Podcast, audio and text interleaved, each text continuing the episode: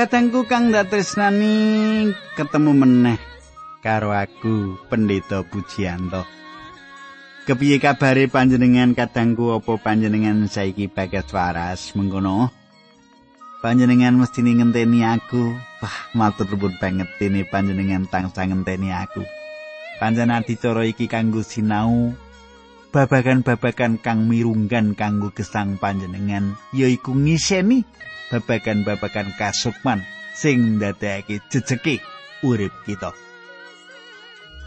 Adicara margi utami bakal bebarengan karo panjenengan ing sawetara wektu kuwi.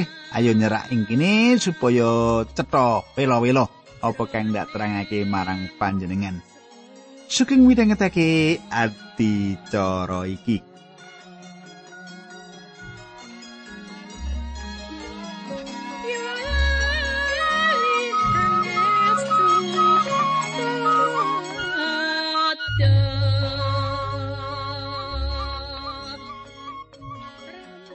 Para pamirsa sadurunge tak terusake aku takon karo panjenengan dhisik apa panjenengan sik kelingan?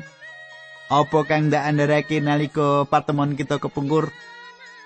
Tak jaluk panjenengan sik kelingan nanging perlu tak ringkes bae pokok-pokok kang utama sing ndak aturake nalika patemon kita kepungkur Ing patemon kita kepungkur kita wis nyemak kepiye Gusti Yesus ngatingalake sarirane ing kahanan kang gesang.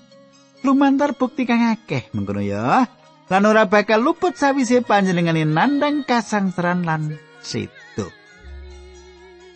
Nah kita bakal nurahake dina iki. Saiki kita ndedonga nanging sadurunge ndedonga aku bakal ngaturake salam dhisik marang Ibu Luciana Maria.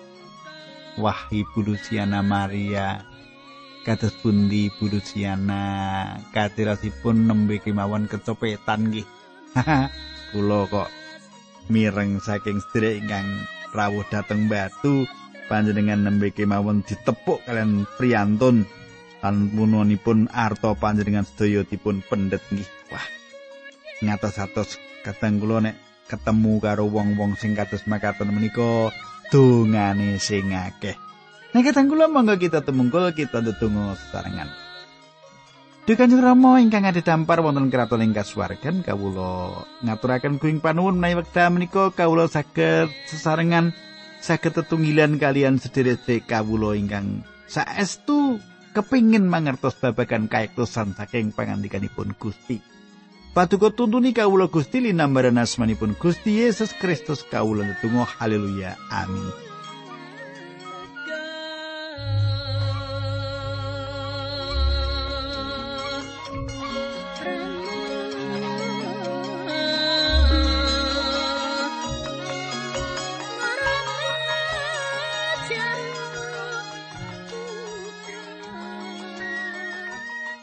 Katengku kang ndak tresnani saiki pasinan kita wis ngancik kitab para rasul bab siji ayat papat. Pasinan kita wis ngantik kitab para rasul siji ayat papat bakal tak waca ing basa pedinan. Nalika para rasul lagi padha ngumpul bebarengan, Gusti Yesus paring dawuh marang para rasul mau mengkini. Kowe aja padha lunga saka kutha Yerusalem nanging ngentenono kebabaring janjine ramaku kaya sing wis ndak kandhake marang kowe. Kadangku ya iki pungkasan. Saka ukara iku ayat papat iki kabeh ana ing sajroning siji ukara para rasul lagi ngenteni tekani Sang Roh Suci. Sadurunge lakon kuwi dumadi dawuh Gusti Yesus yaiku ngenteni. Ngenteni ngentenono ayat 5 sebab nabi Yohanes baptis kue nganggo banyu nanging sawetara dina meneh kue bakal padha kabaptis nganggo roh suci Katengku kang tak tresnani kita ora lagi ngrembug bab baptisan banyu. Kang iku baptisan banyu iku sawijining baptisan tata cara agama utawa ritual. Kang dikarepake kene yaiku baptisan Sang Roh Suci. Baptisan Sang Roh Suci yaiku baptisan kang nyoto, baptisan Sang Roh Suci wae kang mapanake wong ing sajroning kamanunggalan badan wong pratoya. kang kala-kala kita westani gereja. Nalika kita tekan ing pasal loro kang nyaritake tekane Sang Roh Suci ing dina Pentakosta. Kita bakal sinau yen para murid kapenuan Sang Roh Suci. Kapenuan Sang Roh iku penting supaya para murid bisa leladi, bisa pelayanan. Coba panjenengan kate ayat 6 tak wacake. Nalika para rasul lagi padha kumpul karo Gusti Yesus, banjur padha nyuwun pirsa marang panjenengane. Gusti, menapa ing samenika kratonipun Israel badhe panjenengan pulihaken? Katengku para rasul digedhekake lan melu panggula mentah ing jaman perjanjian lawas. Para rasul gedhe awit cilik dadi gedhe. Lan melu panggula mentah ing jaman perjanjian lawas. Para rasul wis ngenteni rawi Sang Mesih. Para rasul mengerti yen Sang Mesih yaiku panjenengan ingkang bakal ngedekake kerajaan ning bumi iki yaiku pengarep-arep para rasul. Lan pangarep-arepe para rasul iki isih dadi pangarep-arepe jagat nganti tekan saiki. Gusti Allah ora duwe kersa mbuang bumi iki. Gusti Allah kagungan sawijining tujuan kang langgeng ing bumi iki. Para rasul ngrembug kratone Allah. Yaiku prakara-prakara kang dipratelake Gusti Yesus sawise wungu saka situ. Ayat itu. pangandikane Gusti Yesus besok jaman apa lan kapan kowe ditemtokake dening Sang Rama piyambak manut ing sakareping kersane kowe padha ora perlu nyumurupi katangku Gusti Yesus paring pengantikan marang para sekabat ing wektu kang mligi kuwi kraton kuwi ora bakal ditekake Panjenengane malah bakal nimbali sawijining umat kanggo asmani gereja utawa pesamuan ya iki kang lagi ditindakake Gusti Allah saiki. Gusti Allah lagi nimbali saka jagat wong-wong kang bakal kumandel marang Sang Kristus. Lan Sang Roh Suci baptis wong-wong mau ing sajroning badan wong-wong pracaya yaiku pasamuan. Dadi nalika para rasul nyuwun pirsa marang Gusti Yesus apa panjenengane bakal mulihake kerajaan ing mangsa saiki. Jawaban kang diparingake Gusti Yesus yaiku perkara iku dudu kang dadi pokok utama pirembugan ing wektu semono. Iku go dudu pokok pirembugan ing jaman saiki. Gusti Yesus ngendika yen kita ora pantes mangerteni mangsa ta wektune. Iku ora penting kanggone kita. Kanggo nggulawentah iman. Kang panjenengan butuhake ora mung sawijining luwih mengerti babagan pameco. dudu urusan kita kanggo mangerteni mangsa lan wektune kang ditetepake Sang Rama piyambak manut panguasane nanging iki kang dadi dawuh Ayat 8 nanging kowe bakal padha diparingi kasekten ya kuwi semangsa Sang Roh Suci wis nedhaki kowe ateges kowe wis dikuasani dening panjenengane lan kowe bakal padha dadi seksiku ana ing kutha Yerusalem ing tanah Yudea kabeh lan ing tanah Samaria malah ing salumaing bumi. Katengku kang dak tresnani dawuh iki sih lumaku nganti tekan saiki. Dawuh iki ora mung diparingake marang pesamuan minangka badan Sang Kristus kanthi bareng-bareng nanging dawuh iki sawijining dawuh kang banget dening pribadi marang saben wong kang pracaya secara pribadi. Dawuh iki sawijining dawuh kang langsung marang panjenengan lan aku ing wektu iki. Wis dadi tugas kita kanggo nglantarake pangandikane Allah ing saindenging jagat. Kita ora bisa kandha yen tugas kuwi gumantung gereja kang ngutus para misionari lan nglantarake Injil lan sebanjure kita lungguh lan mbodhokake wong liya kang nindakake. pitakonan kang penting banget yaiku apa panjenengan gelarake pangandikan kuwi utawa ora. Utawa apa panjenengan nyengkuyung wong kang dadi misionare utawa nyengkuyung wong kang nindakake pelayanan lumantar program radio. Apa panjenengan melu cawe-cawe? Jaman saiki akeh wong kang kepengin ngomong bab kapan rawi panjenengani nanging wong-wong mau ora gelem jegur ing sadruning nggelarake pangandikane Allah.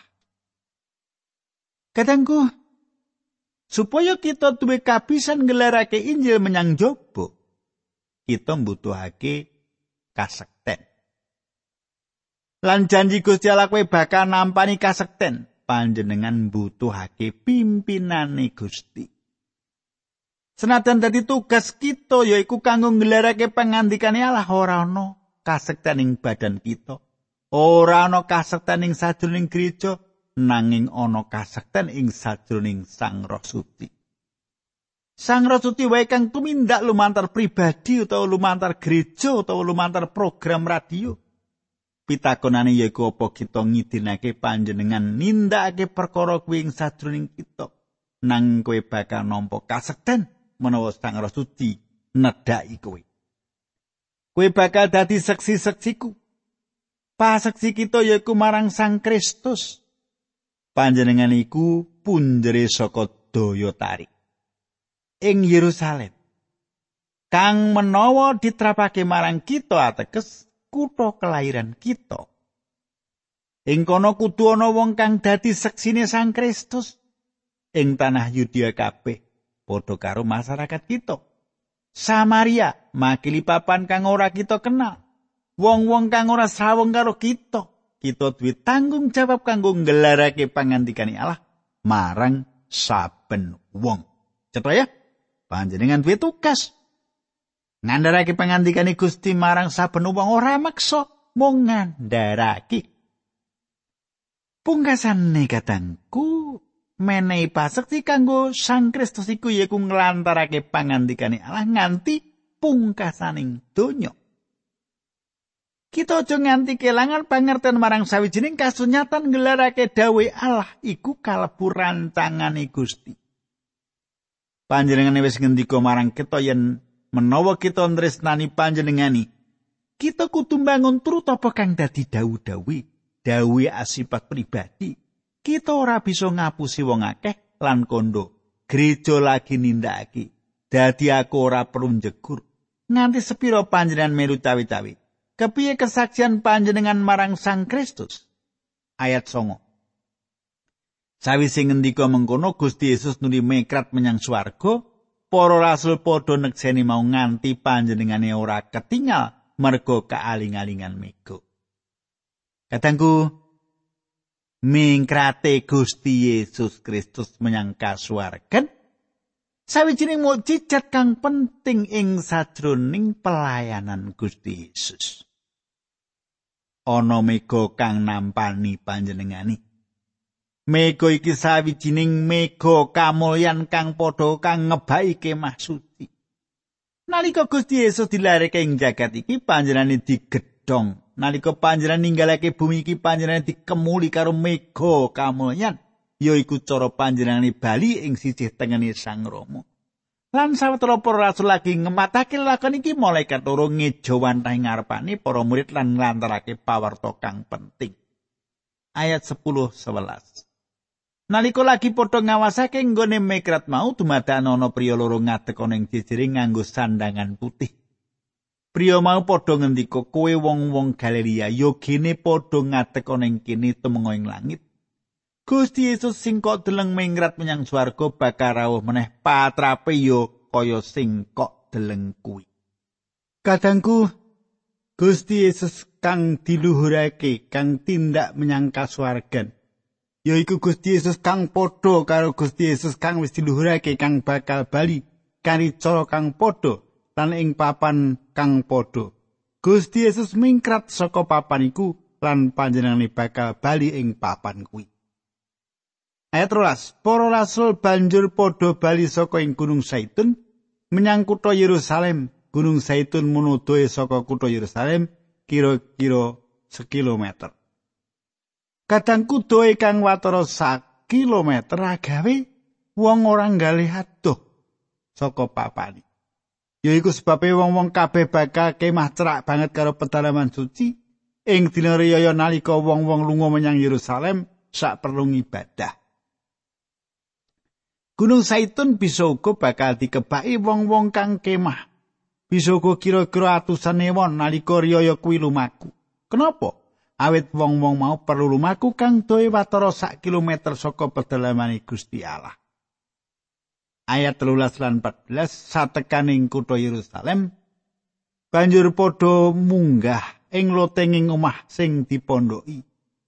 Para rasul mau ya Petrus lan Yohanes, Yakobus lan Andreas, Filipus lan Thomas, Bartolomius lan Matius, Yakobus anak Alpius lan Simon wong Sirot sarta Yudas anak Yakobus. Ayat 14 Para rasul mau arep nganakake kumpulan pandonga bebarengan karo para wong wadon lan karo Maryam kang ibu sarta sederek-sederek Gusti Yesus. Katangku, Apa kang ditindakake para rasul lan wong percaya liyane padha kabeh ndedonga karo ngenteni. Kita ora bisa niru apa kang ditindakake para rasul lan wong-wong percaya ing jaman semono ing jaman saiki. Panjenengan kudu eling yen lelakon iku dumadine ing mangsa antarane migrate Gusti Yesus menyang swarga lan rawe Sang Roh Suci. Panjenengan aku ora urip jaman semono. Lelakon kuwi ora bisa ditiru.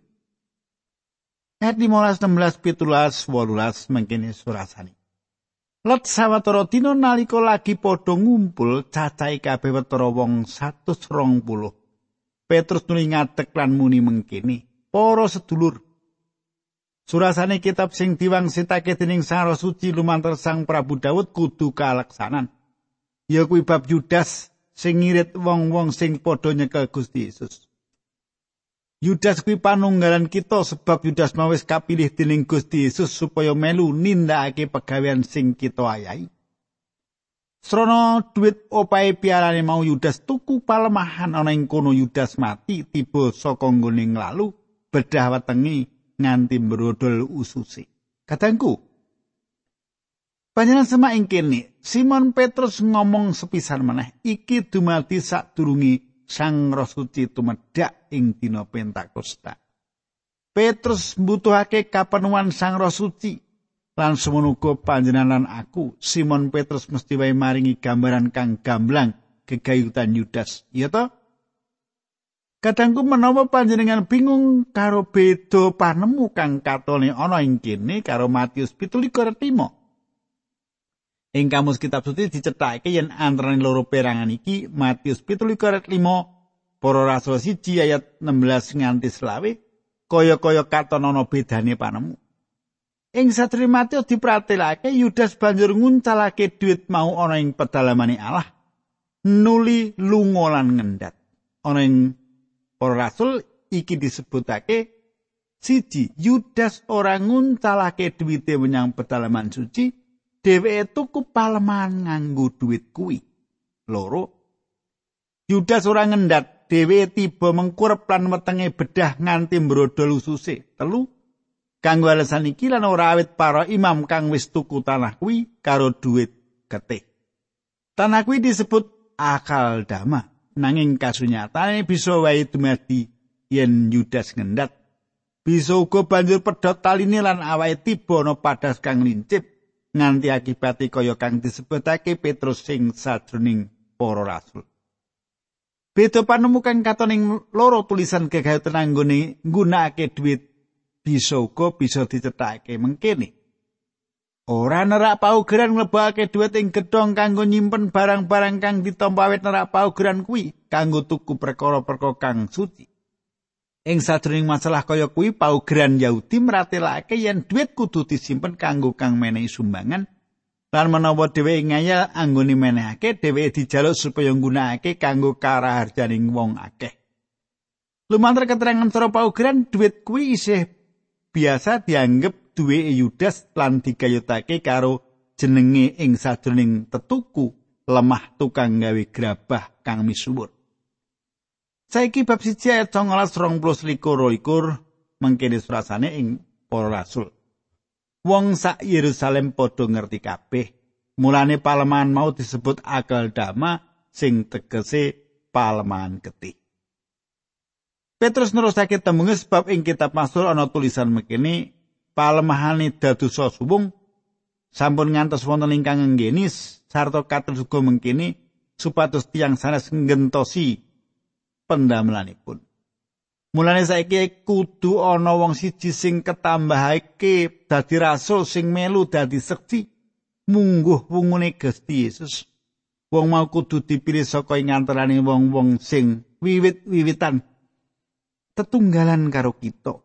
Selawase kita padha tansah nderekake tindake Gusti Yesus. Ya kuwi wit jamane Nabi Yohanes baptis wong nganti tekan mengkrati menyang swarga. Katengku tangsa ana sawijining pitakonan bab apa kang dumadi kene. Apa kudu Simon nganakake pilihan supaya ana wong kang genteni kalungguhane Yudas? Aku ora sarujuk. Manut aku, pilihan wong kang genteni Yudas Iskariot ditindakake Petrus tanpa tekane lan pimpinane Sang Roh Suci awit Sang Roh Suci durung diparingake. Matias wis nyukupi kanggo syarate dadi jejeling rasul kang ateges dheweke mesti wis nyekseni Sang Kristus kang wis wungu awet iku sawijining syarat kang diperlokake. Ayat 23 nganti 26 para rasul bab siji. Wong-wong sing padha kumpulan mau ngusulake wong loro yaiku Yusuf sing karan Barsabas uga disebut Justus lan Matias. Sing padha kumpulan mau banjur padha ndedonga aturi Gusti paduka pirsa manahipun menungsa sedaya Pramila mugi paduka kersa nedahaken dhateng kawula sedaya saking antawisipun tiang kalih menika pundi ingkang paduka pilih. Supados nglenggahi kalenggahan rasul ingkang katilar dening Yudas, margi tiang menika kisah dhateng papan ingkang kacadhangaken kangge piyambakipun. Calon loro mau nuli diundi dene sing ketiban undi menika kuwi Matias, Matias nuli ditetepake dadi rasul nggenepi para rasul 11 mau. Katengku aku ora bisa nyemak yen pilihan iki sawijining pimpinan Sang Roh Suci. Lan ora uga pimpinan Gusti Allah ing sajroning ngundi gentine Yudas iki. Apa Matias pancen wong kang genteni Yudas? Aku ora sarujuk. Aku percaya yen ing sajroning wektu kang wis ditemtokake Gusti Yesus piyambak kang bakal milih wong kang kudu genteni Yudas Iskariot. Kita ora krungu meneh jeneng Matias, ora ana kang disebutake kegayutan pelayanani. Manut aku wong kang dipilih Gusti malah Paulus. Ing layang Galatia siji-siji apa kang didadi kandhane Paulus sawetara dhewe nulis layang-layang marang wong-wong prato ing Galatia.